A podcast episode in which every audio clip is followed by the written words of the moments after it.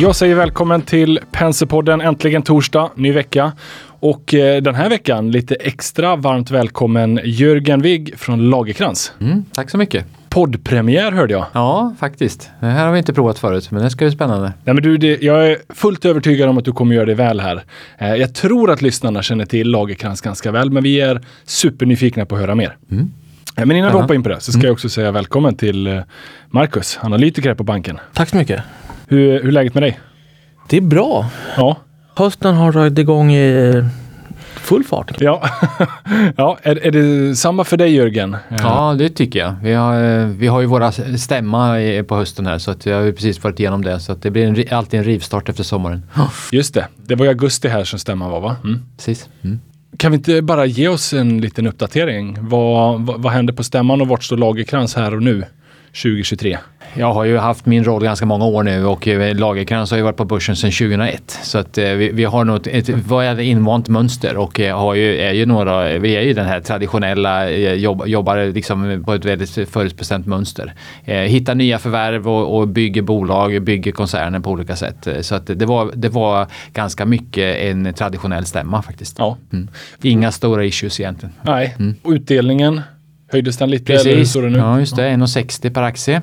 Från 1,30 förut vi har haft en eh, kontinuerlig ökning av aktieutdelningen. Vi tycker det är viktigt med aktieutdelning. Vi tycker att eh, många av våra ägare har varit med länge och många har dem också som en privat investering och då vill man också ha lite utdelning längs vägen. Så vi har alltid hållit i och tycker att utdelning är viktigt. Ja.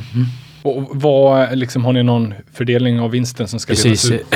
30 till 50 procent av nettovinsten är våran utdelningspolicy. Mm. Så att, eh, där har vi legat. Vi har legat eh, lite i överkant av den faktiskt. Så att, eh, men men ja, nu tycker vi att det finns mycket förvärv att göra så vi vill också hålla i kassan och, och använda det till förvärv och växa på det sättet. Så att utdelningsandelen har väl kommit väl ner något nu men, men egentligen mer ett tecken för att vi tycker vi ser många fina affärer framåt här med, med förvärv. Ja. Men på tal om vinst. Eh, ni, ni är ju ganska vinstorienterade. Och det, det är fokus på vinst och vinst per aktie. Eh, en del bolag kan ju kolla lite längre upp i resultaträkning. Mm. Vad är eran bild där? Varför, varför fokus på vinst och inte ebitda eller ebit? Eller?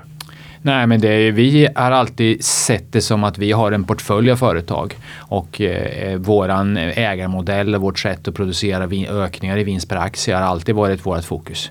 Det är svårt för oss, må, många bolag som kanske har mer än en enskild verksamhet, ja, då kan man prata om fördelar och nackdelar och konkurrensmiljö runt en specifik affär. Vi har ju många affärer, vi har 70 bolag i koncernen som alla har sin miljö.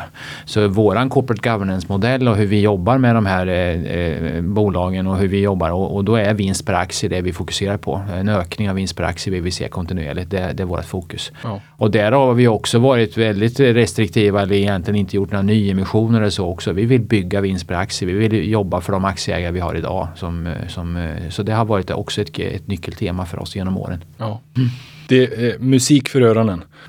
Ja, vi, vi tror väldigt starkt på den modellen, ja. Mm. Men, men Jörgen, kan vi inte 21 eh, var man börsnoterad. När kom du in i Lagerkrans? För du har ju lite historia från Bergman och Beving också. Absolut. Jag började i den här miljön redan 1998 Ja. då jag började jobba för Bergman och Beving. Då rekryterade Anders Börjesson som ju finns bakom all, många av de här bolagen eh, rekryterade mig som vice vd in i Bergman och Beving. Så jobbade vi ihop i tre år eh, på Bergman och Beving och sen kom idén om att man skulle göra de här spin-offs och de här delningen då i 2001. Och då var jag faktiskt projektledare för det projektet och var med och satte de här olika bo- bolagen på börsen. Sen lämnade jag koncernen, jag lämnade miljön i, i eh, tre, fyra år vad det blev, fem år kanske. Eh, eh, när Lagerkrans var nytt från- som kom på börsen. Så kom jag tillbaka 2005. Eh, jobbade jag på hösten och sen tillträdde jag som vd på våren 2006. Och sen har jag varit eh, koncernchef sedan dess. Mm. Ja. Det är ganska många år. Ja, va, va, varför gjorde du en liten sidospår? Eller behöver man det? Testa vingarna så inser man att gräset var inte Ja, grönare. ja, lite så faktiskt. Det, var det. Ja. Det, var, det kändes som att det fanns spännande saker utanför koncernen att göra och så där vidare. Så att jag var ute där och jobbade med, att vara vd för något bolag och jag startade också ett bolag. Jag, jag är väldigt förtjust i olika typer av affärsutvecklingsprojekt och jobbade eh, när jag var konsult eh, förr i världen med ganska mycket med prisfrågor och eh, intäktsfrågor och prisstudier. Pris, eh, och startade bland annat det här Price Gain. Eh, var jag med och startade. Vi var två som gjorde det. Eh, och det, det tyckte jag var kul. Eh, men när jag fick chansen att komma tillbaka och få, få lite revanschera mig och känna att jag skulle få ta hand om Lagercrantz, då ville jag gärna göra det. Så då gjorde jag det istället, så kom jag tillbaka. Ja, mm. och det, det, var nog, det var en lyckad match, får man säga så här Ja, det har varit kul. Det var riktigt kul och gått riktigt bra. Ja. Mm. Men du sa ju där eh, Bergman och Beving-tiden och sen spinna ni, skulle spinnas av lite bolag. Det är ju ja. Lagerkrans och Adtech som du refererar till. Eh, och B&B Tools och heter, det först, ja. heter det först. Det var tre, det delades i tre. Och sen delade, eh, sen delade vad heter det, Adtech upp det, eh, ja från början var väl Adlife var ju faktiskt en del av B&B Tools först och sen blev det, kom det över till, det köptes det av Adtech och sen spins det av i eget bolag. Och sen har vi gjort ytterligare delningar så det är ju, vad är det, sex eller sju bolag vad det blir nu som är på börsen som, ja. som kommer ur den här, ur den här konstellationen, gamla Bergman och Beving. Just det. Mm. Men Adtech, mm. hur, hur mycket liksom liksom, hur mycket kollar ni på dem? Hur mycket rivalitet är det mot dem? Hur mycket, vad, vad är liksom känslan där? Vi, vi brukar beskriva varandra som kusiner. Ja. Eh, så att det, det, är väl lite lagom rivalitet, ungefär som man har med sina kusiner. Ja. att, man, att, man, träffas på kusinträffarna och har trevligt ihop och, och, och, och lär av varandra. Men man är också lite sådär som man gärna vill, vill också konkurrera lite och, och, och, vinna när man ska spela badminton på gräset på baksidan eh, på, på, på, på, på släktträffen. Sådär. Så det, det, är väl lite så. Eh, vi, vi, vi delar ju inte information liksom på några känsliga områden utan Nej. det är mera eh, andra, eh, vissa, vissa, områden delar vi information men sånt som in, inte sånt som är känsligt och, och, och vi konkurrerar ju lite ibland om förvärv och sådär vidare. Så det, det, ja. vi stöter på varandra absolut. Mm. Kan det vara en del av framgångssagan? För ni har ju båda varit, haft en väldigt lycklig eh Ja, Lagerkrans hade ju en tuff period när man kom ut på börsen 2001. Eh, det, det, delningen gjordes ju baserat på olika produktkategorier och det som var eh, IT och telekom och elektronik var ju det som hamnade i Lagerkrans. Och då kommer ni kanske ihåg de som var med då, IT-kraschen och hur det var efter 2001. Det var ju fram till 2001 var det ganska goda tider för elektronik och IT och telekom. Men efter det kom telekomkraschen sen. Eh, och, och Lagerkrans hade ju fyra, fem år väldigt tuffa. Så då var vi ju långt efter Adtech Eh, Eh, i, i termer av både storlek men också i termer av nyckeltal och så. Sen har vi ju eh, haft dem lite som sporre och, och, tittat på dem förstås men också gjort det bra själva. Vi har hittat mera, gått andra vägar. Vi har hittat eh, nya produktområden. Vi har gått in i, eh, gått mer eller mindre ifrån elektronik och IT och gått in mera i sånt med långa produktlivscyklar, sånt med mycket mera egna produkter och gradvis skruvat och varit ganska tuffa mot oss själva när det gäller existerande business och alltid skruvat ganska hårt hårt i den. Eh, så att eh, vi började på 3 rörelsemarginal, eller 2-3% rörelsemarginal hade vi ungefär 2004-2005 där. Eh, och sen efter det så har vi haft egentligen en klättrande rörelsemarginal, eller ligger nu på 17,5 eller vad vi hade i sista kvartalet som var en all time high då. Så ja. det, det, var, det, har varit en riktigt rolig resa och ett, ett målmedvetet och hårt jobb skulle jag säga mm, i våra bolag. Mm. Och det, det, ska vi återkomma lite till, framförallt den här mixen mellan egna varumärken och så. Men bara ge oss en liten bild också, hur många bolag var det på den tiden? Eh, när du kom in 2005-2006? Det var väl 12-15 eh, någonstans där hade vi från början. Eh, och eh, sen har vi väl köpt lika många. Sen har vi slagit ihop något och vi har sålt eh, två eller till och med tre bolag eh, har vi sålt under den här perioden men vi har köpt eh, nästan 75 företag. Eh, så att, och nu är vi, ja, vi jobbar väl med viss integration men ändå, alltså det, det, bolagen behåller sin egen profil och sin egen varumärke men om något går snett så, så brukar vi ibland liksom, ta ut det som är bra och stoppa in något annat. Så det är lite omstruktureringar sker det på vägen. Men, men, så jag har faktiskt varit med och köpt de flesta av bolagen vi har i koncernen. Idag. Mm. Ja. Mm. Men man pratar ju om en decentraliserad förvärvsmodell. Så då betyder det i form av att de får styra sig själva men ni är högst centraliserade när ni gör förvärven. Ni beslutar om det, du är med i dem Ja, det kan man väl säga. Eller, ja, alltså, vi, tror, vi är ju väldigt fundamentalistiska när det gäller, vi tror väldigt hårt på, på, på det här med decentralisering. Vi tycker att varje bolag ska leva i sin marknad, att man ska ha sitt eget autonoma liksom, eh, förutsättningar med en egen ledning, ett eget varumärke, en eget företagsnamn. Att vi bygger vidare på det som finns. Och så försöker vi vara en inspirerande bra ägare. Vi, försöker, vi, vi tar ofta in lite struktur men också mycket energi i situationen och, och försöker bygga dem bolag vi har. Men de, de lever sina själva. Själva, själva förvärvsbeslutet däremot det går ju naturligtvis hela vägen upp då. När vi går in i nya bolag och köper bolag och går in så, så, så processar vi det och har ju det också som, som formella beslut på, styrelse, på huvudstyrelsen. Ja, just det. Och ett 60-tal bolag har det blivit då som förvärvats plus minus några. Ja, 70 eh, faktiskt. 75 eller 70 till och med. Ja, mm, mm det är ju bra många fler som har gått förbi er där ni har tackat nej eller inte sett att det här är någonting för Lagerkrans. Va, vad har varit avgörande? Vad är det som gör att ni inte genomför ett förvärv? Eh, det, det, är lite olika. Vi, vi, vi, vi, vi är ganska rigorösa och, du, och, och, och, metodiska när det gäller våra due diligence. Vi tycker att vi ska göra ordentliga due diligence så vi vet vad vi köper. Och då hittar vi ibland saker som vi inte riktigt gillar. Eh, det kan vara en väldigt hög kundkoncentration. Det kan vara en hög eh, leverantörskoncentration eller det kan vara att de är väldigt, väldigt beroende, extremt beroende. De är ofta beroende men extremt beroende av några i management eller så. Och då kan, då kan det bli att vi blir lite tveksamma. Sen kan det också vara några case har vi sagt till med för vi tycker inte de har rätt kulturprofil. Mm. Eh, vi känner att de är vana att göra affärer lite på ett annat sätt än vad vi tycker är, är, är rätt och riktigt. Eller att det liksom har, eh, att vi, vi, vi försöker att och liksom hålla i de här. Och, och den, den ytterligare dimensionen är väl hållbarhetsdimensionen. Ibland har vi hittat bolag som har en, det tycker vi är en lite, eh, ja, en, inte en hållbarhetsprofil som vi vill ha i koncernen. Det kan, det kan vara olika typer av material man jobbar i som, eller olika förutsättningar som gör att man, att man eh, ja, inte känns som att man är jättemodern eller, eller särskilt hållbarhetsinriktad. Och då har vi ibland tackat nej till den typen av saker också.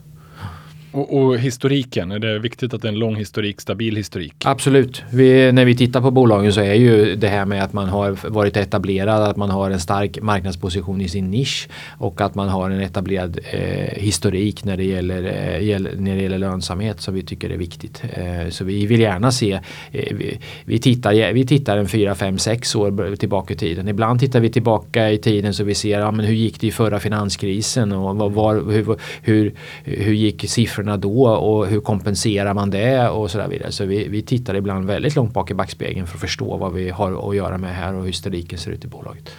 Mm. Och marginal, det är viktigt då att det finns en grundlönsamhet i affären. Vi vill ju bygga ett lagerkrans som har minst 15% rörelsemarginal och det betyder ju att eh, vi har ju haft en tendens till att köpa sånt som är nischat, eh, kanske omsätter eh, mellan 50 och 300 miljoner eller något sånt brukar vi titta på. Ofta när de har ett resultat då som, som är norr om 15 procent och ibland hittar vi sånt som är mellan 25 och 30 också. Och, och, och det tycker vi är jättespännande för det betyder att vi snittar upp oss längs vägen också. Då. Så det, ja, just det. En, ökar ju våra marginaler i genomsnitt i koncernen. Och, och märker ni, har ni märkt det på senare år att det finns, när ni nu börjar kolla på lite större bolag, att det också finns en bättre marginal där eller? Ja, det, det, framförallt finns, ju, finns det ju mera strukturkapital i de lite större bolagen och det finns förutsättningar att bygga. Det lite mera, eh, de, de små bolagen eh, har ofta inte byggt upp strukturkapital. Det är väldigt beroende av några få individer eller sådär och det, det innebär naturligtvis risker. Men, eh, men ofta kan de också vara väldigt nischade och, och vara ett, ett, väldigt etablerade i sin marknad och då gillar vi dem ändå. Liksom. Så det, ja. det är väl inte, det, vi är opportunister längs vägen, tittar på bolagen. En, ett, ett, ett och ett och gillar vi det så brukar vi slå till. Ja. Mm. Men eh, och, eh, har det blivit större? Eller det, gör ni fler förvärv istället ja, för att vi, primärt gör vi fler förvärv. Ja, okay. vi, vi, konstaterar att, eh, att det blir ett annat konkurrenssituation när bolagen blir lite större. Då är det ofta riskkapitalister eller andra där som värderar bolag på ett annat sätt och har en annan sätt att räkna. Och, och, och, då brukar vi ibland tycka att det blir alldeles för dyrt. Så, där. så att vi försöker hålla i våra, våra våra riktlinjer och hur vi vill göra förvärven. Och då, då blir det, vi brukar säga, det, det är väl bolag som kanske har en lönsamhet eller tjänar ungefär mellan, mellan 10 och, och 40 eh, miljoner i ebit ungefär. Det är väl det, de bolag vi normalt hittar. Eh, har de mer ebit än 40 miljoner, ja då brukar det finnas en annan konkurrenssituation runt de bolagen. Vi är ofta där och tittar och bjuder också ibland men det är inte rätt sällan det räcker till då. Då är det kanske någon riskkapitalist som ser att man ska göra något helt annat eller integrera eller eller trycka på gasen och anställa massor av säljare eller göra en internationell resa eller någonting och göra, ta bolaget i en helt annan riktning. Och då, då brukar inte vi, eh, är det det säljarna vill eh, och vill liksom maximera det, då brukar inte vi vara aktuella. Men om man mer vill ha liksom, eh, att någon som tar hand om, om livsverket, att man, att man har byggt ett livsverk och vill att någon ska ta hand om det, mm. då brukar det bli, bli ganska bra på det sättet. Mm. Mm. Och ta hand om livsverken säger du. Vad, vad, blir, vad händer med grundaren eller vdn eller Ja, det är också en diskussion individuellt. Eh, vi, vi vill gärna att grundaren är kvar. Ofta har de en tilläggsköpeskilling. Ibland är de minoritetsägare under en period. Så vi sitter oss i samma båt tillsammans med grundaren eller, eller för, för detta ägaren. Då. Eh, och ibland är de kvar som ledning eh, och vi bygger det tillsammans. Eh, men sanning att säga är väl att vi kommer ju ofta in i samband med successioner eller i samband med att någon vill pensionera sig. Och så att det, det, det brukar ibland bli så att man inte liksom att de inte är kvar jättelänge i alla fall inte utan anledningen till att de vill sälja brukar vara att de också vill kliva ur den operativa ledningen och det fulla ansvaret för bolaget. De har ju ofta, ligger ju lokalt ute i, i, i, på småorter eller ute, ute i och, och, och de är ju naturligtvis måna. De har ofta människor som har varit anställda länge och de känner ett stort ansvar för dem och då vill de att någon verkligen tar hand om det eh, och att de kan med stolthet eh, eh, fortsätta handla på ICA och träffa alla, alla gamla medarbetare och, och, och om man pratar gott om den försäljning och den nya ägaren Ja. eh, som ofta är vi då. Så, så, då, så det, det, det tycker jag vi med stolthet har, har, har förvaltat de arven i de allra flesta fall. Ja. Och ni, ni pratar ju om evigt ägande i bolag. Men, men det är ju inte helt evigt då, för ni, två hade ni ju sålt sa du, eller tre. Ja, vi, vi, vi säger så här att vi är en serieförvärvare utan exithorisont. Ja, det. Eh, och det betyder att vi har aldrig bestämt oss för att vi ska exitera eller integrera eller så med bolagen när vi köper dem. Eh, däremot så kan det ju naturligtvis vara så att det, det, det händer så. någonting på vägen eller det, det, det är sådär. Men som sagt, vi har köpt 70 bolag och vi har sålt tre. Det säger väl ungefär lite om, om fördelningen i det här fallet. Ja. Och 10 till 40 i rörelseresultat i den storleken. Mm. Eh, nu, Sverige är ju bara så stort och det finns bara så många bolag. Nu har ni börjat eh, komma ut lite i Europa. Mm. Framförallt eh, Storbritannien. Hur, hur går jobbet där? Är det liksom samma typ av bolag eller skiljer sig marknaden? eh, jo, eh, absolut. Det, det finns likheter, eh, många likheter. De flesta är likheter men det finns också några skillnader Ja. tycker vi. Eh, Men, men det som är kul tycker jag är väl att vi har kommit igång. Vi har, vi, jag tycker våran modell är etablerad. Vi har, vi har våra medarbetare och våra ledningar runt om i bolagen bara förstår verkligen hur vi vill jobba. Så att vi tycker att vi kan ta den här modellen på export. eh, Att vi kan jobba med den mera. Och då är det ju så att vi, vi ser ju ett ökat eh, internationellt intresse. Eh, Vi ser att det är väldigt många som tittar på sektorn och är fascinerade över hur många fina bolag som har dykt upp här i Norden och Sverige. Eh, Bland serieförvärvare? så Ja, bland serieförvärvare. Så det, det finns ett absolut ett intresse. Och modellen när det gäller, när det gäller förvärv tycker jag absolut går att ta på export. Ja. Den, vi tittar ju på, på, på samma storlek på bolag. Vi har processerna ungefär likadant. Marknaden är mycket större. Så att det, det finns förutsättningar att göra saker. Och sen försöker vi gå till länder som vi känner har liknande kultur som vi. Eh, och, och det är väl, eh, ja, vi tittar väl framförallt här i norra Europa då med, med UK är en, Tyskland är en, Holland är en. Så att vi, vi är i de här länderna som så vi gradvis eh, ökar vårt scope. Vad är skillnaderna då? Du sa att det finns skillnader också. Ja, det finns skillnader. Det finns eh, lite skillnader i, i hur man driver processerna. Eh, en, en, en skillnad som faktiskt man eh, ibland underskattar är ju tillgången till information. Vi i Sverige är ju väldigt transparenta. Vi är transparenta med vad människor äger och vi människor, hur siffrorna ser ut i bolag och sånt. Det är mindre transparens ute i Europa.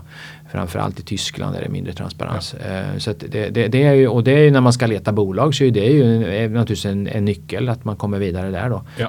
Eh, sen är det lite hur, hur, hur man skriver avtal och, och de le- legala delarna där vi märker att eh, England är kanske lite mer juristdrivet än, än vad vi uppfattar att det är i Norden. Eh, eh, här är, är, kan man ibland göra affärer där man är överens om sakerna utan att man behöver någon större inblandning av juristerna.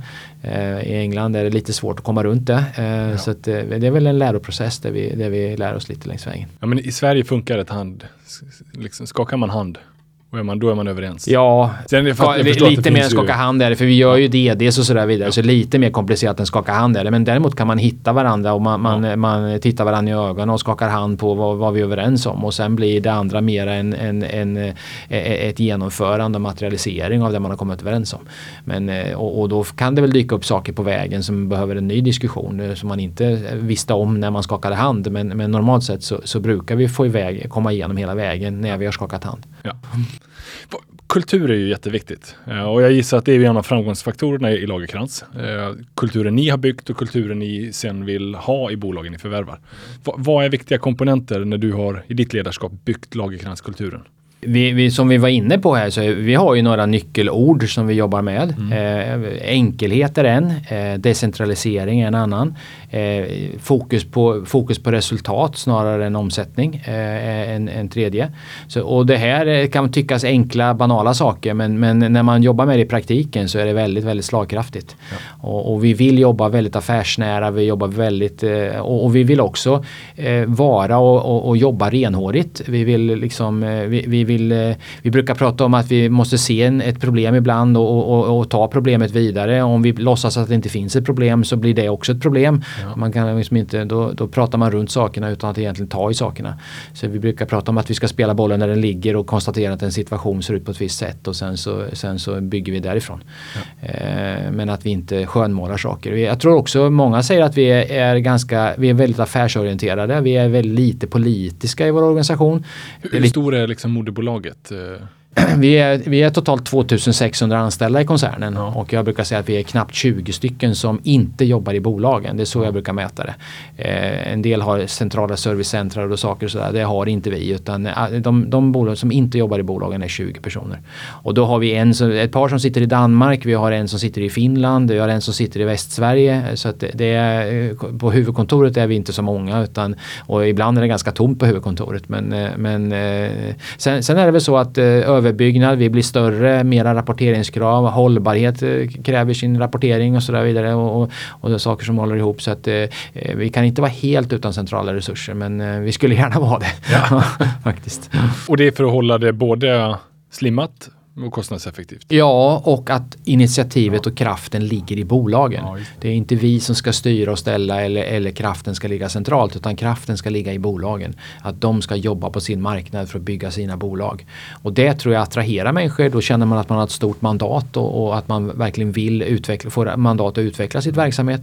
Eh, och att man, man, man, har både kunskap och eh, mandat att, att driva sin verksamhet ute där. Så att vi är inte där med för mycket pekpinnar eller för mycket, mycket saker från centralt håll håll. Men när det inte går bra i ett bolag och ni märker det, vad, blir ni mer då fokuserade på det bolaget? Ja, eller låter ni dem så, så blir det. Mm, så blir det. det, det vi, vi, är ju vi är väldigt målstyrda ja. eh, och vi sätter mål för varje bolag varje år. Om, och, och, tillsammans med ledningen så sätter vi mål med, med bolagen och, och, när vi ser att de inte riktigt taktar på de målen så brukar vi ställa några ytterligare frågor och, och sen kommer vi väl på ett extra besök och, och, och, sen liksom så man närmar sig situationen. Ja. Och eh, folk brukar få flera chanser och sådär vidare men eh, vi, vi naturligtvis omprövar om ledningen är rätt och så där vidare och byter ledning ibland också.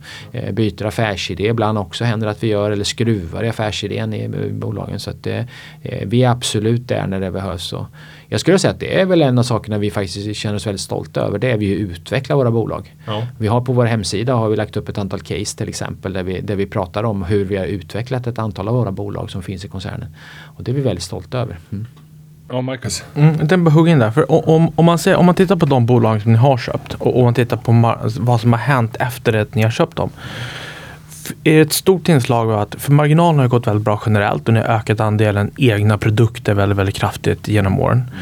Men om man tittar på så att ha bolag för bolag, har de utvecklats de ofta positivt? Så du ser liksom en marginalexpansion inom enheten det skulle jag säga. Det, det, det, finns ju naturligtvis alla varianter där. Men generellt sett så tycker jag faktiskt att vi är duktiga på att lyfta bolag. Vi har ett antal success stories i mm. koncernen nu där vi verkligen har lyft bolagen. Eh, jag brukar säga så här att kortsiktigt när vi kommer in som ägare, ja, vad tillför vi då? Ja, jag tror vi tillför två saker. Vi tillför struktur och vi tillför energi ofta de här bolagen har kanske varit ägda i många år av samma familj eller har haft en samma ägarstruktur i väldigt många år, kanske flera generationer. Och när vi mm. kommer in så vänder vi på det här. Vi i våran DD och våran diskussioner så vill vi gärna ifrågasätta saker och fundera på kan vi inte, bolag kanske bara funnits i Sverige, borde vi inte ta det på export? Eh, de här produkterna, borde vi inte också kunna ha en produkt till? Eller borde vi inte kunna gå på ett kundsegment till och på det viset växa bolaget? Och, och då lägger vi en, en affärs, eller tillsammans ledningen lägger en affärsplan baserad på diskussionen vi har. Så lägger man en affärsplan som är normalt treårig och sen så följer vi upp den på varje år. Och, och då har vi också väldigt tydliga målsättningar. Vi är väldigt transparenta med vad vi förväntar oss av bolaget. Eh, vi brukar skaka hand med, med ledningen och säga ja, ni, ni, gjorde 15 miljoner förra året. Vore det inte läge att göra 20 nästa år då? Så, ja, men det ska vi nog kanske försöka få ha som mål. Och, så, och sen så skakar man hand på det och sen så följer vi upp ganska eh, på månadsbasis om vi är på väg mot det här målet eller inte. Och jag skulle vilja säga att det är rätt många bolag som vi har. Vi, vi har ju, de som har följt oss har ju tittat ner och prat, hört mig prata mycket om, om eh, utvecklingen i elpress till exempel. Ett gott exempel. Tormek ett annat exempel. CV Lundberg i Mora köpte vi bara för några år sedan. Har fått en jättefin utveckling. Eh, vi köpte bara för ett par år sedan Libra i Norge som också har fått en jättefin utveckling.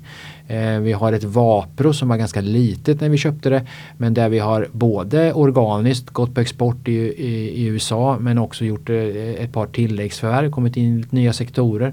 Och vi ser att det utvecklas väl. Så det, det finns ett antal, eh, många, många, faktiskt. Eh, vi har 10-12 vad det är på, på, på hemsidan eh, och det finns väl lika många till om man nu vill prata det. Sen har vi naturligtvis några som inte alltid går som, det tar lite längre tid och sådär vidare. Men, men hittar man här bolagen som är starka produkter i nischer så brukar det faktiskt kunna gå att göra mycket bra av. Och, ett mål ni har haft här nu det är att nå miljarden. Mm. Eh, och det är ju resultat efter finansposter. Eh, den uppnår ni nu. Och det är mm. egentligen en bra bit före eh, utsatt datum. Precis. Vi, gjorde den, eh, vi, vi gick ut med det här programmet Lagkrans mot miljarden för ganska precis nu två och ett halvt år sedan och sa att vi inom fem år då skulle nå den här miljarden. Och då hade vi precis passerat 500 miljoner. Vi har ju två finansiella mål. Det ena är att vi ska växa resultatet med 15 procent per år. Vilket betyder en dubbling inom, inom var femte år. Och så ska vi göra det väldigt lönsamt så vi ska ha en avkastning på eget kapital på minst 25 procent. Och det här har vi ju legat i, på eller över egentligen eh, ganska lång tid nu. Och det här miljardmålet nådde vi nu i somras då. Så det var ett, två år och ett kvartal tog det innan vi var där, dubblade här nu då. Så det, det, det var riktigt kul. Eh, så där är vi, det, det, det, har vi kommit till. Och i det programmet så låg det då att vi förtydligade våra mål. Vi satte mera fort på organisk tillväxt. Vi gjorde en omorganisation med, eh, flyttade om bolagen eh, till att försöka hitta ännu mera områden för strukturell tillväxt och hitta eh, verksamhet som växer. Eh, och, eh, och, och sen så spetsade vi till det lite runt hållbarhet arbete och, och, och andra in, inriktningar på det också. Så att, men organisationsförändringen och fokus på det här med områden med strukturellt underliggande tillväxt och hållbarhetsinriktning. Det, det, är väl det som var det nya med det. Och sen har vi då gjort flera förvärv. Vi ökade kapaciteten på förvärv så vi har gjort fler förvärv än, än tidigare. Och vi gjorde också ett lite större förvärv här, eller det, det största faktiskt vi har gjort i PCP här förra sommaren. Eh, som också då har adderat till det här. Så nu passerade vi miljarden. Riktigt kul. Imponerande och stort grattis. Uh, och man är ju lite nyfiken på vad är nästa mål? Två miljarder nu då? Ja, det blir ju lite så. alltså, vi har ju haft, vi har haft de här eh, finansiella målen med 15 procent och eh, avkastning på e-kapital. De har vi haft i många år. Ja. Nu ville vi för två år sedan spetsa till det så att vi, vi satte den här miljarden. Men egentligen var det ju en förlängning av de mål vi redan hade. Men vi vill förtydliga i det här med organisk tillväxt att vi vill ha en tredjedel från organisk tillväxt och sådär. Så vi har gjort det.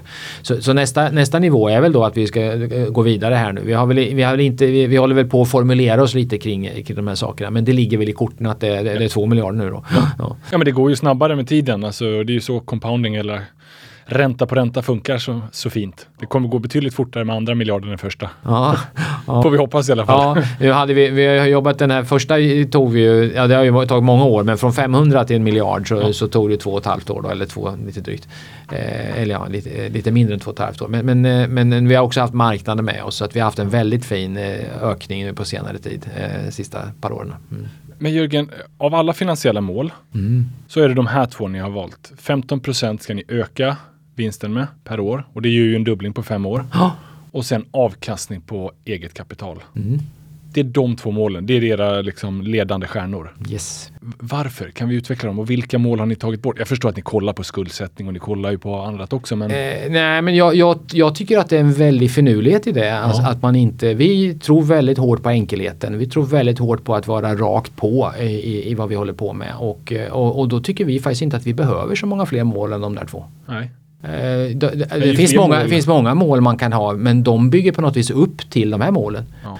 Så att det är liksom på något vis kan man se det som mål och medel men, men man kan bryta ner det i under, del, delmål och sådär vidare. Bland annat det här med egna produkter som vi då säger vi ska ha 75% av. Det är ju ett mål som vi bygger för att vi ska uppfylla de två finansiella målen. Ja. Så de, det bygger upp till det målet och jag tycker att det är en väldig styrka att inte ha för många mål eh, eh, eller, eller att, man, att man blir väldigt splittrad i att ha många mål. Ja. Och vi har tyckt hela tiden att de här två målen tar oss väldigt, väldigt långt. Vi behöver inte så många fler mål tycker vi vi. Mm. Ja, jag, jag, gillar också enkelheten. Mm. Det blir tydligt. Mm. Hur, hur, får man det hela vägen ner i organisationen sen? Så att varje dotterbolag känner att jag vill vara med och bidra till att Ja? Det, det jobbar vi mycket med och det tycker jag faktiskt att vi har också varit duktiga på. Alltså vi, vi träffas ju i, i ledningen. Vi har en eh, vd-konferens en gång om året och med åren så blir det där ett väldigt shit. Ja. Eh, vi har också eh, med våra medarbetare, framförallt ledare, har ju då eh, bonusar som är kopplat till deras eget resultatmål. I sin, men det är väldigt tydligt vad, vad varje person ska prestera eller vad varje bolag ska prestera för att bygga upp till totalen. Så man känner att man är en viktig, viktig kugge i det här stora maskineriet. Det tror jag man känner. Och sen har vi våra, våra incitamentsprogram. Vi har ju en, en liten eh, ett optionsprogram där alla våra vdar också är med på optionerna. Och det gör också att man får ett väldigt intresse för att gå för aktien och man, man längs vägen blir man lite aktieägare och på det viset så, så, så har man också ett väldigt intresse. Så jag får väldigt mycket frågor från organisationen om eh, när kursen går upp eller ner och vad, vad händer nu och så där vidare. Så att det, det finns ett väldigt intresse i, bland, bland våra medarbetare runt, eh, runt aktien och att vi är på börsen. Ja. Ja, och pilo- pilotskolan är ju jätteviktig. Jag menar, du äger själv eh, en, en del Lagercrantz-aktier. Mm, jag har hängt med på de här programmen och köpt in mig lite från början så att jag, jag har, eh, är absolut en pilot i sammanhanget. Ja. Mm. Ja, men det, Jag, är surra, jag är surrad vid masten som de brukar säga. ja, men det är bra. Helt rätt. Marcus, eh, Mm. om vi kollar på Lagerkrans här och nu och Mm. bara reflekterar lite över serieförvärvare. Mm. Det har varit lite turbulent år. En del aktier har tagit lite stryk på börsen. Så är det ju. Lagerkrans, när du, eh, vad, liksom, vad skissar du på i dina antaganden framåt? Ja, och, och, och, det är en värderingsfråga i mångt och mycket. Så här, vad, vad är man villig att, betala för och vilken typ av multipel som, som vi vill betala med. Sen är ju frågan liksom, vilken typ av förvärvsklimat man har och vilken balansräkning som vi sitter med och så vidare. Men jag tror att mycket har ju varit kring den multipeln som den, Mm. den drog iväg eh, och sen så, så har den så kommit tillbaka, stabiliserats och så kommit upp något igen. Och jag brukar väl alltid dela upp så säga, bolagen i två kluster där vi har, så att säga, jag brukar kalla dem för mogna serieförvärvare om man nu ska kalla dem det, compounders och sen så har du så här lite nyare och där där ju Lagtrans har funnits väldigt, väldigt länge tillsammans med sina kusiner och ett par andra. Uh, men det som jag tycker på något sätt, det som sticker ut med er är ju på något sätt att, alltså med, med Lagkrans, det har ju gått väldigt bra. Vi har sett den här Alltså vinsten och försäljningen har ju fortsatt att spreada så att marginalexpansionen har ju varit väldigt, väldigt konstant.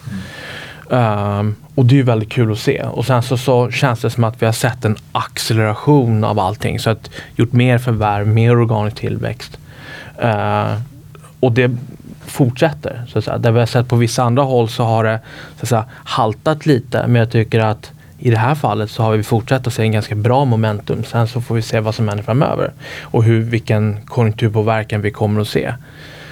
Men, men just den här accelerationen på alla plan tycker jag känns rätt kul. Och det, det återspeglas också i att, i att ni uppfyllde målen på bara två år och ett kvartal. Ja. Så jag, ska inte be dig Jörgen kommentera aktiekursen, för du, du är vd, du ska, inte, du ska fokusera på bolaget. Eh, Men ni köper ju bolag för åtta gånger vinsten ungefär. Plus minus någon. Ja, mellan, fy, ja, mellan fyra och åtta och nu är det väl kanske mera lite lägre än åtta. Ja, Åtta är, inte, är vi inte på nu. Nej. Mellan 4 och 8. Men eran aktiekurs handlas ju till 20 gånger vinsten på börsen. Hur, hur kan det vara så?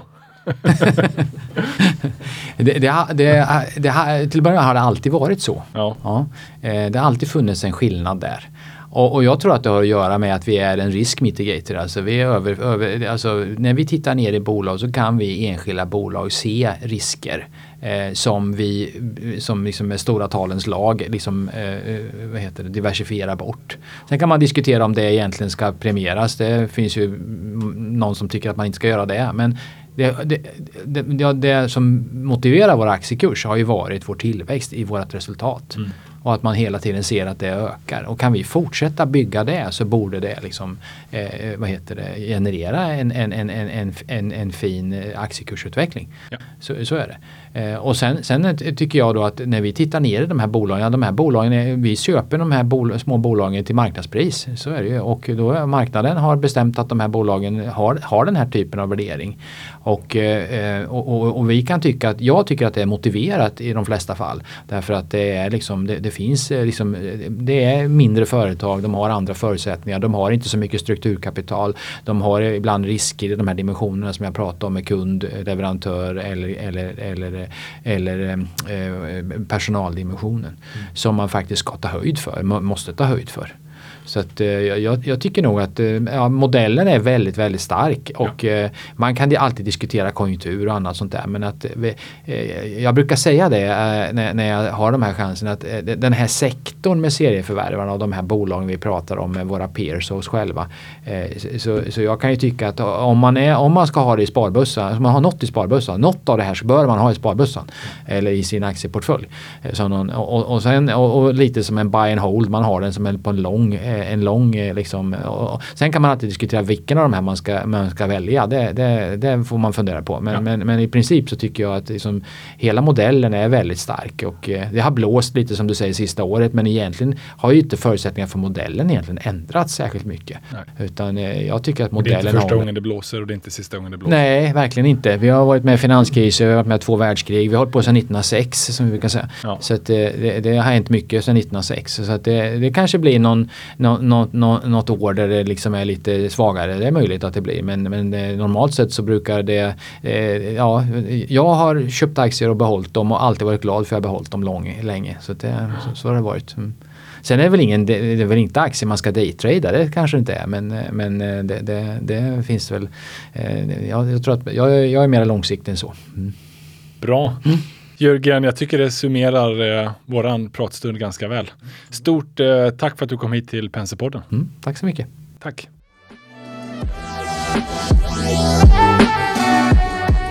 Vi är tillbaka och jag säger välkommen in i studion. Eh, Rickard, hur är läget? Det är bra, tack så mycket. Du, eh, det har varit en intensiv sommar. Eh, många bolag som har rapporterat här nu. Jag tänkte vi ska få en liten eh, återkoppling från några av dina bolag. Ska vi, ska vi börja med GIG eller? Ja, exakt. Jag tänkte att vi kan börja med att lyfta fram GIG. Mm. GIG är ju ett av våra accessbolag. Aktien handlar kring 30 kronor och vi ser ett motiverat värde på 44 till 45 kronor. Uh, Gig är ett teknikbolag som uh, dels arbetar med affiliation, digital marknadsföring uh, inom, inom iGaming-industrin, men även en teknikleverantör där man levererar plattformar, plattform och sportbokslösningar åt operatörer.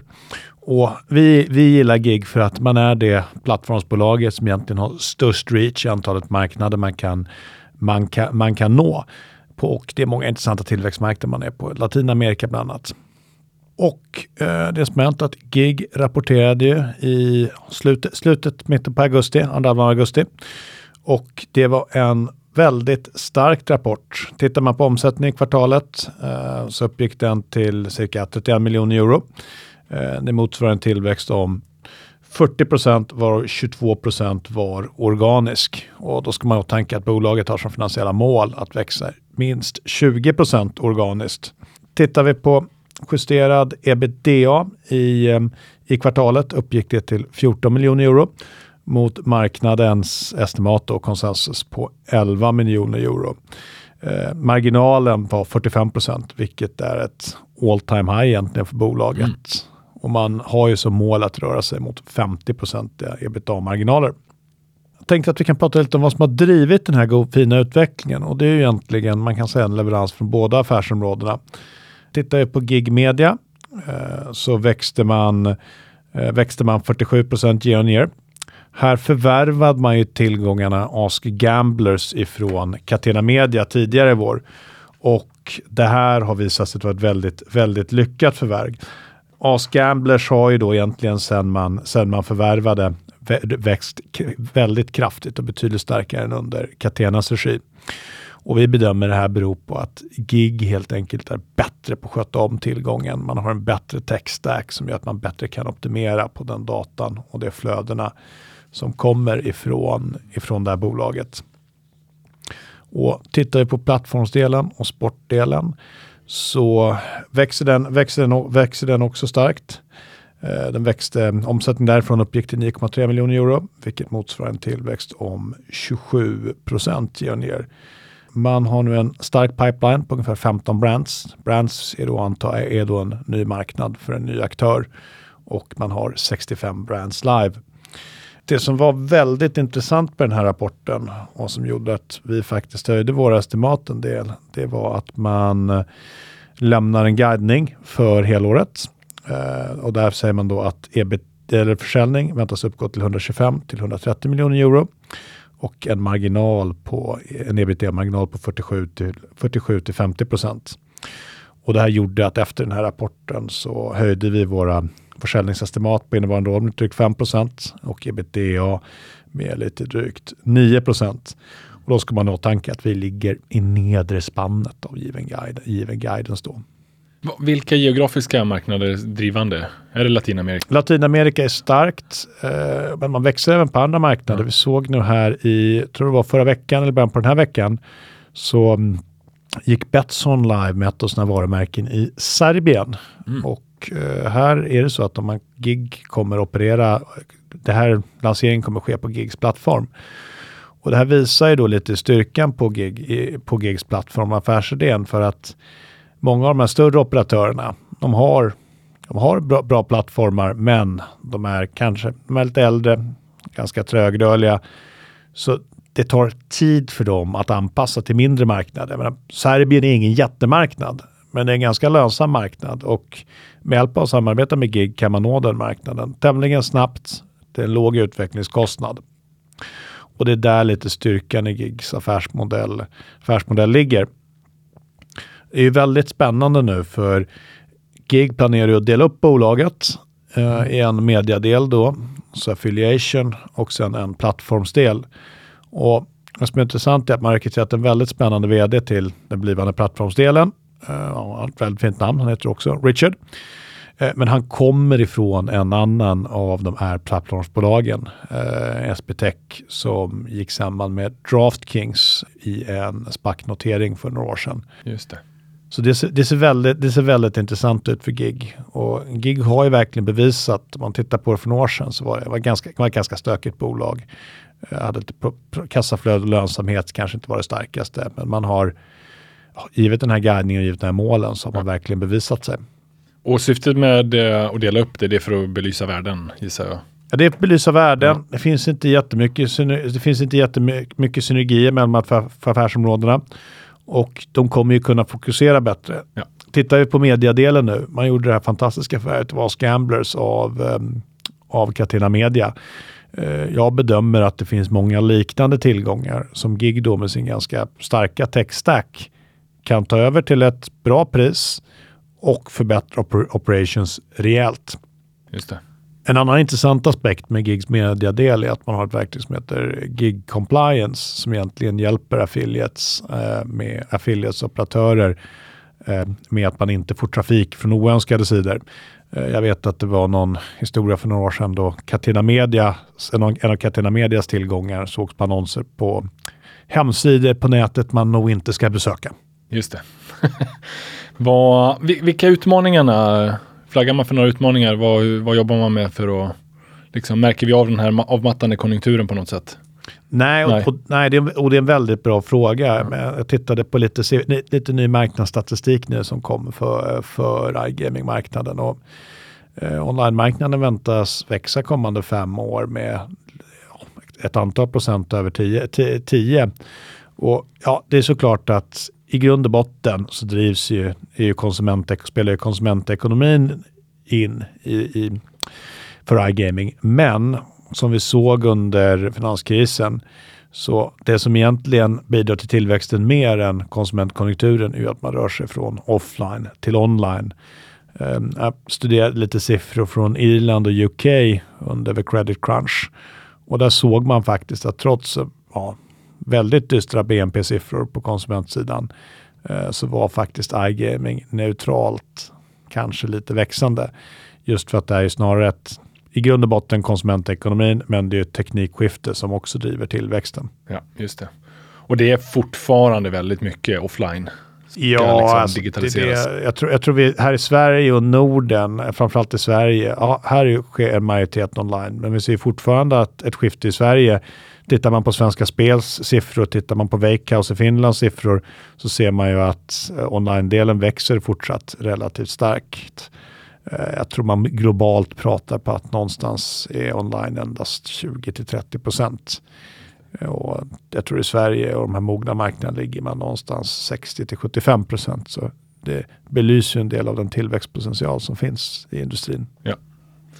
Eh, innan vi är färdiga med gig, vad, finns det någon timeline för den här uppdelningen? Har de gett någon sån eller är det fortfarande? Ja, det, det, kommer, det kommer ske under H1 nästa år. Ja, okay. Så det ska bli väldigt, väldigt, väldigt spännande att följa. Uh, om man kan avslö, avrunda den här med den här uppdelningen att när, vi tittar när jag tittar på gig så tittar jag, jag en jämförelse, jämför de två affärsområdena eller värderar dem. Och då kan man ju se att gigs eh, mediadel handlar på en ganska tydlig rabatt mot Better Collective eh, som är då ledande på ledande, det ledande affiliate-bolaget. Just det. Eh, och det här att Better Collective handlar på ett premium mot övriga tror jag beror på att Better Collective har visat ett väldigt bra capital management. Eh, man har gjort, varit duktiga på att göra förvärv, man har duktiga på att finansiera förvärven. Man, när man betalar med aktier så ser man till att återköp så det inte blir en ökad utspädning. Och Tittar man nu på S-Gamblers-förvärvet så tror jag att Gig Media på egna ben kan agera som en liknande konsolideringskraft i industrin. Spännande. Bra, eh, tack för det. Ska vi ge någon liten uppdatering på eh, Evolution också? Om vi ändå är inne på temat. Ja, det kan vi göra. Evolution är ju ett av våra, ett av våra researchbolag. Eh, de rapporterade ju ganska tidigt under rapportsäsongen i juli. Eh, vi gillar ju bolaget för man, är, man, man visar en väldigt god tillväxt och har väl mig vetligen den starkaste lönsamheten på Stockholmsbörsen. Och en liten snabb, snabb not idag är ju att en konkurrent till Evo, Playtech, ett israeliskt-brittiskt bolag, eh, de rapporterade nu på morgonen och de ja, slog estimaten på lönsam, lönsamheten och det man pratar om att de ligger vad säger man, de ligger framför sin guidance på, på helåret, det vill säga att det går lite bättre än vad man, tro, att man trott att det ska gå. Och ja, det är ju positivt för industrin. Och betyder det här att de tar marknadsandelar från Evolution? Ja, Evolution är betydligt större än Playtech och Playtech har ju mycket annan verksamhet som inte är kopplat till eh, live casino. Men det visar ju att eh, live casino och leverantörssidan i industrin verkar ha ganska bra dagar drivet av en stark, eh, stark efterfrågan hos operatörer. Och fortsatt momentum i Asien? Eller vad kan man Ja, men jag, jag, tycker, jag, jag, ser inga, jag har suttit och nagelfart med mina siffror. Jag, jag ser egentligen inga orosmoln på Evo. Eh, jag lekte med tanken att ja, men skulle marginalen komma ner med 20 procentenheter, ja, då skulle värderingen fortfarande vara attraktiv. Så. fördelen med att vara extremt lönsam. Ja, det är fördelen med att vara ett, vara ett extremt lönsamt bolag. Ja. Tack för det. Uh blir, eh, när är nästa Q3-rapporten för Evo? Det är en bit fram eller? Ja, det är en ja. bit fram. Ja. Eh, kvartalet ska ju ta slut först. Ja, det ska det ju i och för sig göra. Men jag tänkte om de redovisar ganska tidigt. De, de brukar, ja. vara, de brukar vara ute relativt tidigt. Eh, de är ute bland de, bland de tidiga large cap-bolagen. Ja. Eh, jag har inget datum i huvudet. Nej, nej men det, det kan man enkelt kolla upp. Mm. Stort tack för den. Ska vi avsluta med lite check-in också?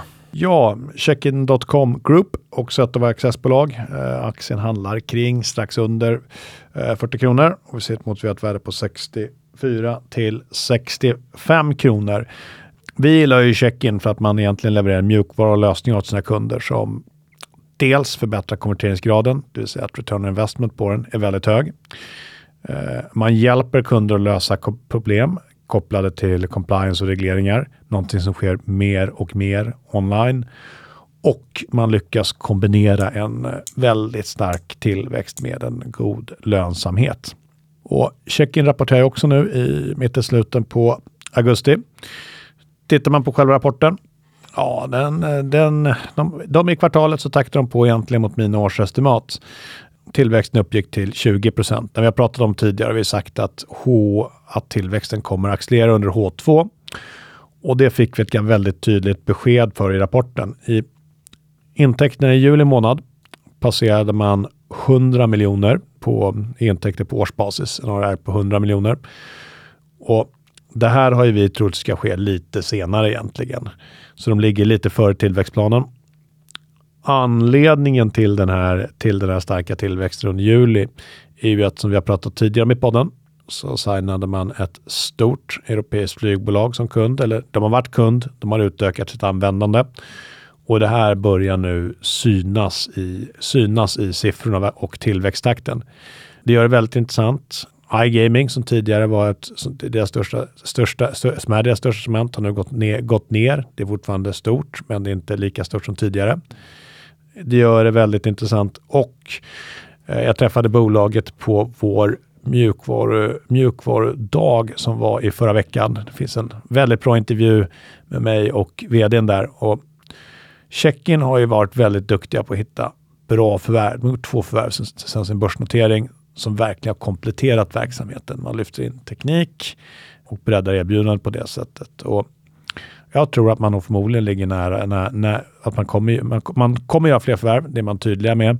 Och jag tror man kommer kunna hitta förvärv i antagligen intressanta vertikaler som kompletterar erbjudandet så, eller produkter. Just det. Har man, eh, hur ser churn ut och liksom den biten? Alltså bolaget rapporterar inte en churn, de rapporterar net retention rate. Och skulle net retention rate vara under 100, då har man ju en churn och då har man nog stora problem för då växer man inget på befintliga kunder heller. Men net retention rate i kvartalet uppgick till 114 procent. Det, det, det, är en bra siffra, men checken har legat betydligt högre. Och eh, givet, givet de stora volymerna man nu såg i juli och framåt så tror jag att den här kommer stärkas, net retention rate, un, under H2. Eh, och det är ju någonting man, man, har vis, man har visat historiskt sett vara väldigt bra på, att växa på befintliga kunder. Och växer du med dina kunder, man kallar det så att lönsamheten på den tillväxten, eller kostnaden för den tillväxten, är betydligt lägre än nya kunder. Och det återspeglas ju i att eh, Checkin.com Group nu i senaste kvartalet rapporterar en ebitda på 4,3 miljoner, vilket motsvarar en marginal om 21 procent. Och men, de här marginalerna i ett bolag som växer så pass snabbt är väldigt starka. Eh, man, det visar på en god disciplin från ledningen. Det visar också att man kan exekvera på de investeringar man gör i marknadsföring. Man ser en bra, pay, man ser en bra payback, man, payback-tid, man är disciplinerad och det gör ju även att risken i bolaget minskar för man, är, det, man får ett starkare kassaflöde och bränner inte lika mycket. Ja. Och kundcasen visar, tyder ju på att de faktiskt växer med sina befintliga kunder. Mm. Så det är väldigt intressant och det, det jag tror man kommer kunna se nu eh, kommande år är att om vi tar att det här flygbolaget, det är en stor, stor kund. Man har nog nu bevisat att man klarar av att serva så pass stora volymer från en kund. Och givet hur mycket det kommer vi, eller jag tror kommer väntas bidra med nu under H2 så kan man ju tänka sig vad en annan kund av den digniteten skulle kunna bidra med. Och där tror jag att det definitivt sker, sker många diskussioner ja. eh, ute. Men när man säljer på sådana stora bolag, det kan, det kan ju ta tid, så det, kan, det, det blir ju sådana här, kallar liksom hopp upp i tillväxten ja. som vi nu förmodligen har sett med julisiffrorna. Spännande. Finns det, finns det någonting att säga om utmaningar? Vad är det de pekar på? Eh. Alltså, som sagt, jag, jag, tycker, jag, tycker, jag tycker de sköter sig, ja. de sköter sig väldigt bra.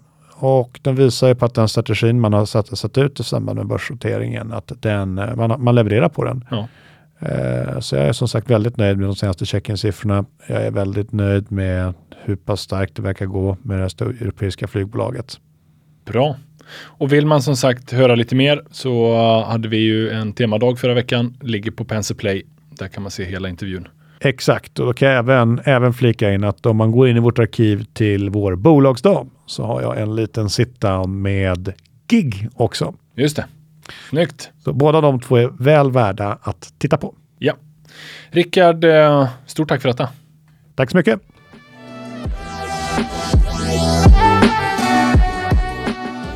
Jag säger välkommen in i studion Axel Schörling från EQL Pharma. Tack så jättemycket. Eh, kul att ha er här. Vi ska prata EQL. Det är en initiering på Penser, så jag säger också välkommen eh, Ludvig, analytiker. Ja, tack så mycket.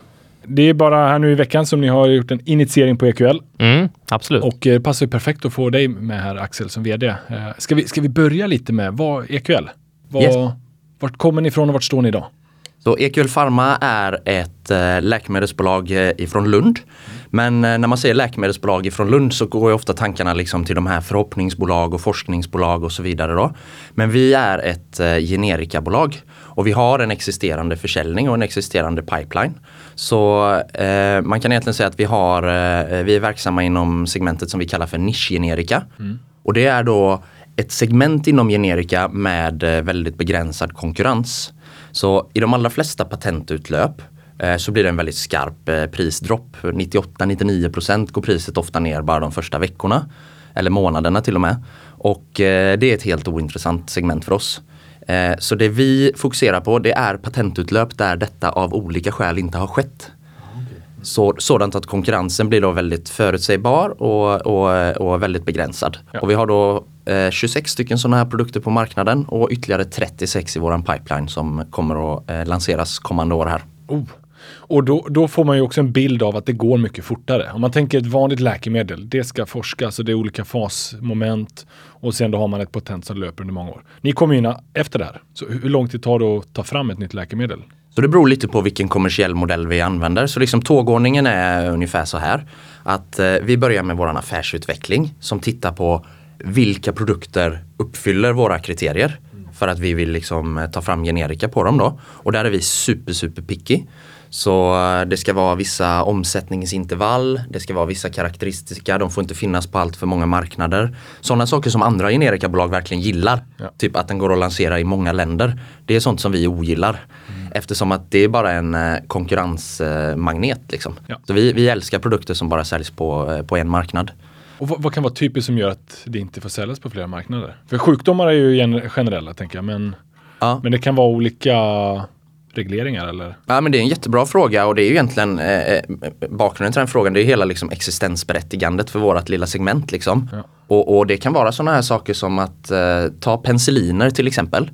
Eh, det är väldigt kulturellt och väldigt lokalt vad man använder för penicilliner. Exempelvis i Sverige så, så om man säger Kovepenin, det vet de flesta vad det är och de kanske till och med kan liksom komma ihåg smaken från när mamma och pappa tvingade en att dricka det när man var liten. Och det är som ett lite, lite smalare antibiotika då, som slår liksom mot ett smalare spektrum av, av, av bakterier. Medan nere i kontinentaleuropa så använder man mer eh, amoxicillin, amitriptylin som slår mot liksom bredare spektrum. Och det är liksom ja, av ingen kanske jättelogisk anledning utan det har bara blivit så då. Så då finns det liksom i en mängd olika terapeutiska områden så finns det sådana här produkter som är liksom ja, man har alltid använt dem, alla vet vad det är. Ah, Okej, just det. Och sen eh, om man kopplar tillbaka till din fråga här med liksom utvecklingscykeln då. När vi väl bestämt oss för produkter som vi vill ha. Då tittar vi först och främst på om det finns någon generisk dossier tillgänglig redan. Alltså om någon redan har utvecklat ett generika på den här produkten. Som vi kan licensiera rättigheterna till. Om det gör det, då är det en ganska så snabb cykel. Eh, det brukar kosta mellan en halv och en miljon kronor att köpa de här rättigheterna och man kan vara på marknaden inom 18 månader. Och return on investment har vi, vi har ofta return on investment inom 8-10 månader men, men aldrig längre än, än något år. Liksom. Så det är ganska attraktiva investeringscase. I de fallen som det inte finns en eh, generisk dossier tillgänglig, vilket är normalfallet då eftersom det är väldigt nischade produkter. Då får vi då tillsammans med någon av våra CDMOer, Contract Development Manufacturing Organizations, ta fram en sån här dossier från scratch då. Och det kanske låter lite lättare än vad det egentligen är. Liksom. Vad fasen, det är ju bara att kopiera något som någon redan har gjort. Ja. Eh, Men det är ganska så mycket eh, teknikaliteter där eh, som ska genomföras. Så det tar då typiskt ja, 3 till 5 år. Och kanske kostar då ja, en 10-faktor mer då typiskt. Mellan sig 5 och 10 miljoner istället. Men det adderar ju också ett slags, en slags stickiness Ja. kan jag tycka till produkten eftersom att eh, många generikabolag har liksom en, eh, en, en no-go strategi när det gäller utveckling. De vill inte utveckla för att det är för besvärligt och, och det tar för lång tid och sådär. När vi träffades första gången, då kom jag ihåg att du beskrev er intäktsmodell. Att den är väldigt, liksom, eh, det är väldigt långa kassaflöden. De är nästan oändliga potentiellt. Det var någonting med eh, tegelstenar och en mur. Kan du berätta lite om det? Absolut, tillbaka till tegelmuren. Så om man tänker så här då att vi, om man tänker att vi gör helt rätt i våran analys. Det som sker då om vi har tänkt helt rätt, det är att när EQL kommer till marknaden som generika 1 eller generika 2, då finns det inget kommersiellt förnuft för någon annan generika-aktör att komma dit. Så vi har liksom, den är blockad och stängd. Då är det i princip en produkt som bara tickar och går och tickar och går. Såvida det inte sker något stort paradigmskifte eller någonting sånt i behandlingsformer. Men, men varför skulle det göra det? Nej. Produkterna har sålts i, i många tiotals år. Så då, då, då, eh, då brukar vi likna lite våran modell vid att vi, vi, vi bygger en tegelmur. För en tegelmur den bygger man ju bit sten för sten. Liksom. Men när man väl har lagt en sten då ligger den där. Den blir kanske lite kantstött så men den ligger kvar. Jag tycker det är en ganska stark metafor. Eh, våran grundare och styrelseordförande Christer Foreus, han brukar bli lite, han blir lite irriterad på mig när jag säger tegelmur för han tycker det är, det är en katedral vi bygger. Det. det. Det, är ingen liten mur. Eh, och det kan jag väl hålla med om men, men, men ehm, ja, muren känns lite mer pedagogisk. Men, men det du säger är ju egentligen då att det är ingen... Eh, eh, för någon annat generikabolag så skulle de ju döda sin egen marginal och eran om de skulle gå in och det är det som hindrar dem från att göra det. i Exakt praktiken. så. Ja. Exakt så. Om de inte bara skulle få för sig att vilja vara illjävliga. Men det är inte, de flesta är ju i alla fall rationella när de vill investera. Ja, men låt oss hoppas det. Ja. Men då hur många sådana här generika? Då har ni ungefär 25-26 idag. Ja. Och hur har eh, intäkt och lönsamhet sett ut fram tills nu? För nu är ni ju rörelsepositiva. Ja. Sen ett gäng år tillbaka. Ja men det stämmer. Så det är jätteroligt. Så vårt förra, vårat förra verksamhetsår är då, vi har sådana här brutna finansiella år. Så vårt förra år som var 2022, eh, 23, som alltså stängdes då i, i mars 2023. Då hade vi en totalförsäljning på eh, 260 miljoner och en ebit någonstans runt 50. Och om man rensar eh, försäljningssiffrorna för engångsintäkter från covid-tester. Vi har då varit lite opportuna under covid-krisen här och försökt att eh, göra, ja, hitta andra sätt att tjäna pengar helt enkelt. Så var försäljningen strax norr om 200 miljoner, 204 om jag inte minns fel. Ja. Eh, året dessförinnan så hade vi en återkommande försäljning på 135 och året dessförinnan eh, 95. Så liksom 95, 135, 204. Ja. Så eh, vi har ett, eh, ett gott momentum då just nu. Och kan man säga någonting om att det är ju fler nya produkter som har varit med och driva tillväxten. Men har de tidigare generika, eh, de tidigare produkterna i pipen, har de minskat i försäljning eller bibehålls de? Så att ni liksom verkligen bygger den här muren uppåt. Nej men i normalfallet så är de hyfsat stabila. Ja. Och, och till och med att de kan vara växande i den bemärkelsen att om vi har lanserat ett visst generika i säg Sverige och Norge. Ja, det kanske var eh, avsikten när vi tog fram det. Men sen upptäcker vi exempelvis att eh, ja men vad fasen det här har ju en potential i UK också. Det kanske vi inte visste från början. Eh, då försöker vi ju att eh, antingen direkt eller indirekt komma åt de intäktsströmmarna också. Så det är ju ett sätt som en en befintlig generika avsedd för Norden Ja. eh, kan generera mer intäkter i andra geografier. Då. Ja, just det. Hmm. Mm. Och ni har ju lite finansiella mål här som ni har gått ut med. Kan du berätta lite om dem och hur ni liksom har levererat hittills på det? Mm. Så 2020 då, eller 2020-21 som var det här verksamhetsåret jag nämnde som vi stängde på 95 miljoner kronor i återkommande försäljning. Då bestämde vi oss för att eh, gå ut och externt kommunicera våra mål på, eh, på fem års sikt då, till året som, som heter då 2024-2025. Och då bestämde vi oss för att vi vill växa med eh, i snitt 40% per år i den här perioden. Den här försäljningen kan komma att eh, fördela sig lite ojämnt mellan åren. Som exempel då, så växte vi 50 eh, förra året. Och just nu ser vi en tillväxt på runt 30% framför oss i, i detta året. Då. Men, men det är mindre viktigt utan det viktiga är att vi liksom håller en trajektoria på, på runt 40% I tillägg till det då så har vi valt att eh, lägga till ett lönsamhetsmål och då har vi valt att eh, ha som mål att ha en ebita-marginal ebitda-marginal på minst 25% vid periodens slut. Och eh, om man ser lite hur vi trackar mot de målen då. Jag brukar alltid visa en bild eh, där man ser hur försäljningen eh, eh, trackar mot målen. Just nu ligger vi lite före eh, plan eh, försäljningsmässigt. Eh, någon 10 miljoner eller sådär. Givet eh, tillväxten vi ser framför oss i år så skulle min gissning vara att vi är mm, ungefär på plan i slutet av detta finansiella året. Och när det gäller ebita-marginalen så ser vi det liksom mer som en tracker då upp till målet som vi också börjat kommunicera externt. Och då hade vi 18 i ebita-marginal här i eh, Q1 då. Så en bit kvar till 25 men lyckligtvis så är det en bit kvar till 2025 också. Ja, ja, men snyggt. Vad, vad, finns det någon, liksom, vilka sjukdomar sådär ni riktar in er på? Utan, eller det är bara nisch? Olika nischläkemedel? Precis så, så vi brukar eh, på, på, på, i våran bransch heter det då att vi är, vi är terapiområdesagnostiska. Just det. Så vi, eh, vi bryr oss inte så mycket om det egentligen. Utan det vi tittar på det är den eh, kommersiella potentialen inom en viss produkt. Och sen om det råkar vara in, inom infektion eller om det råkar vara inom CNS, det är sekundärt för oss. Eh, däremot så, så har via vårt segment eh, med branded produkter, som vi kanske kommer in på här sen. Eh, där, där har vi ju då två stycken produkter inom två specifika terapiområden. Där man kanske kan säga då att vi inte är terapiområdesagnostiska. Men vi, vi, vi kan komma in på de produkterna här senare, Ludvig kanske. Absolut. Ja, eller, eller berätta gärna lite mer om vad, vad är de här liksom, Mm. brand? Nej men så, så traditionellt har våran modell då varit att vi tittar på eh, originalläkemedel i Norden som har en viss existerande försäljning och så utvecklar vi ett generika mot dem och så, och så jackar vi oss in då liksom och tar en del utav, som, som en parasit, liksom, vi tar en del utav den här försäljningen. Eh, sen så för två utav våra produkter så har vi upptäckt eh, längs vägen att de har eh, en stor potential även utanför Norden. Men att de inte har någon existerande försäljning där. Så man kan säga att det är läkemedel som används i Norden i många år och väldigt framgångsrikt. Och som borde användas i kontinentaleuropa också men inte gör det utav olika skäl.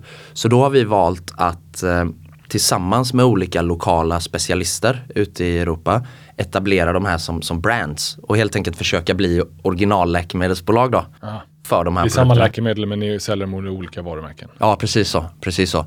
så det här handlar ju om att bygga marknader som, som inte existerar idag. Så ett exempel då för den ena produkten är en melatoninbaserad produkt. Och då har vi här uppe i Norden ända sedan början av 2000-talet framgångsrikt använt melatonin för barn och ungdomar med ADHD som har sömnbesvär. Och detta har fungerat väldigt, väldigt bra. Och ute i kontinentaleuropa så har man inte någon, någon medicinsk behandling för detta utan man har liksom sömnhygieniska åtgärder och så vidare. Då. Så då har vi teamat upp med, med de bästa företagen inom ADHD, CNS ute i kontinentaleuropa. Eh, som redan har existerande försäljning av de här olika stimulantia preparaten som man använder eh, för ADHD.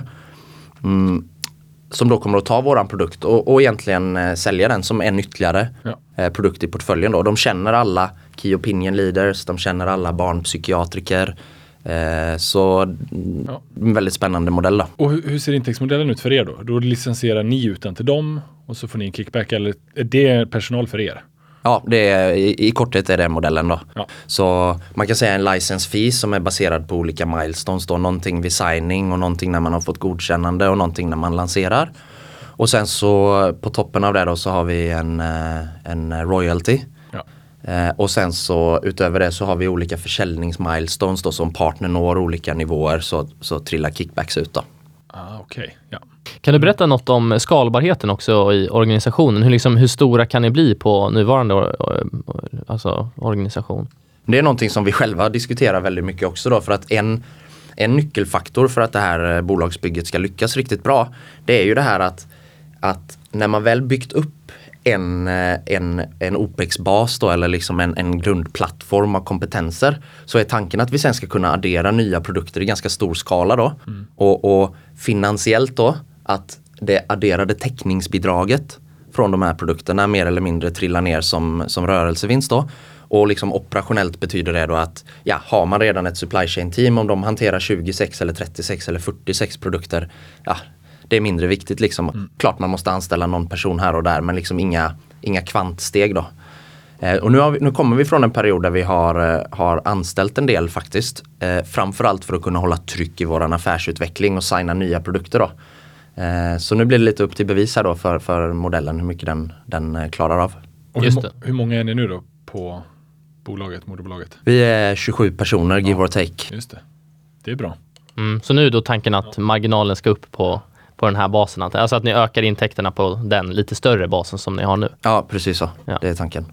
Sen vill jag inte helt stänga dörren för olika typer av, alltså framförallt offensiva rekryteringar. Vi, och det vill jag verkligen, eh, verkligen eh, understryka att vi är, vi är offensiva, aggressiva, vi kör på.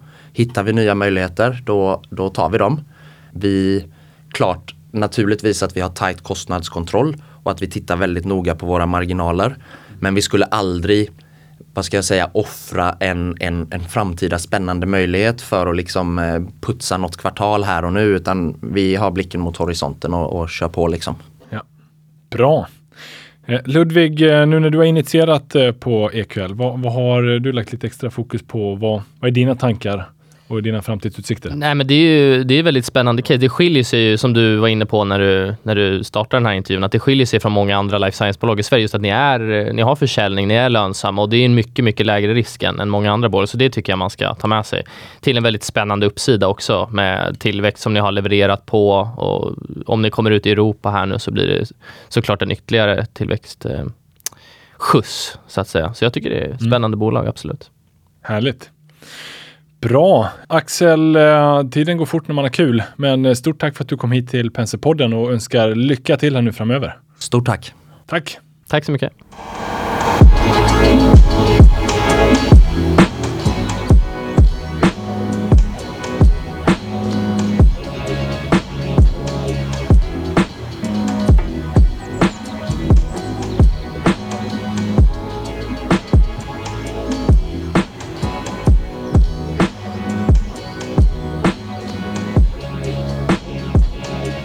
Denna podcast är utgiven av Erik Penser Bank och är avsedd att marknadsföra bankens tjänster. Vissa bolag som nämns kan därmed ha något samarbete med banken i form av fondförvaltning, analystjänster, certified advisor-uppdrag med mera. För information om dessa tjänster, fondförvaltning och även bankens hantering av eventuella intressekonflikter, vänligen se bankens hemsida www.penser.se. Vänligen notera att investeringar i finansiella instrument, inklusive fonder, är förknippade med en risk. Historisk avkastning är ingen garanti för framtida avkastning. Det är pengar som placerats i finansiella instrument kan både öka och minska i värde och det är inte säkert att du får tillbaka hela det insatta beloppet. Ingen del av Penserpodden ska uppfattas som investeringsrekommendationer. Informationen är heller inte att betrakta som investeringsrådgivning då den inte tar hänsyn till mottagarens specifika investeringsmål, ekonomisk situation eller kunskap. De uppfattningar som redogjorts för i podden återspeglar de medverkandes uppfattning för tillfället och kan därmed ändras. Externa gäster i Penserpodden framför sina egna åsikter och som kan avvika från bankens uppfattning. Banken frånsäger sig därmed allt ansvar för investeringsbeslut och för direkt eller indirekt förlust eller skada som grundar sig på mottagarens användande av informationen i podcasten.